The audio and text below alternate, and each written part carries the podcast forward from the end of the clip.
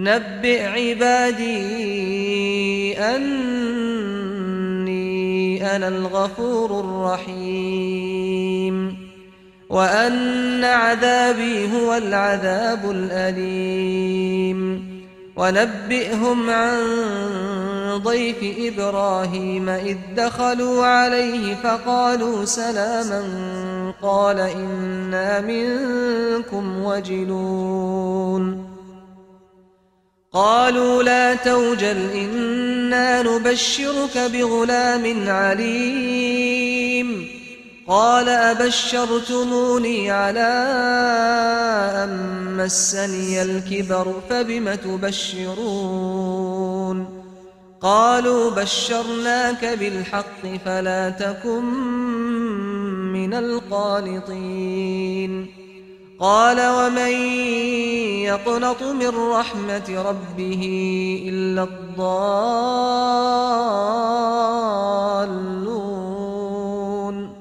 قال فما خطبكم أيها المرسلون قالوا إنا أرسلنا إلى قوم مجرمين لوط إنا لمنجوهم أجمعين إلا امرأته قدرنا إنها لمن الغابرين فلما جاء آل لوط المرسلون قال إنكم قوم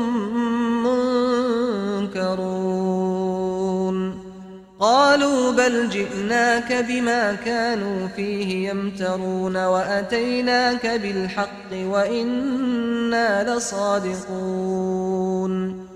فأسر بأهلك بقطع من الليل واتبع أدبارهم ولا يلتفت منكم أحد وامضوا, وامضوا حيث تؤمرون. وقضينا إليه ذلك الأمر أن دابر هؤلاء مقطوع مصبحين. وجاء أهل المدينة يستبشرون. قال إن هؤلاء ضيفي فلا تفضحون. واتقوا الله ولا تخزون. قالوا أولم ننهك عن العالمين. قال هؤلاء بناتي إن كنتم فاعلين. لعمرك إنهم لفي سكرتهم يعمهون. فأخذتهم الصيحة مشرقين فجعلنا عاليها سافلها وأمطرنا عليهم حجارة من سجيل إن في ذلك لآيات للمتوسمين وإنها لبسبيل مقيم إن في ذلك لآية للمؤمنين وإن كان أصحاب الأيكة لظالمين. فانتقمنا منهم وإنهما لبإمام مبين. ولقد كذب أصحاب الحجر المرسلين. وآتيناهم آياتنا فكانوا عنها معرضين. وكانوا ينحتون من الجبال بيوتا آمنين. فأخذتهم الصيحة مصبحين. فما أغنى عنهم ما كانوا يكسبون.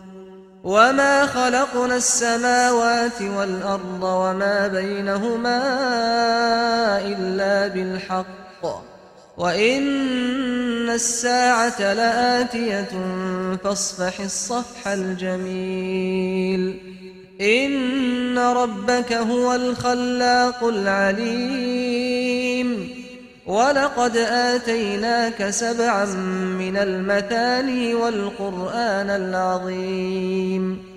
لا تمدن عينيك إلى ما متعنا به أزواجا منهم ولا تحزن عليهم واخفض جناحك للمؤمنين.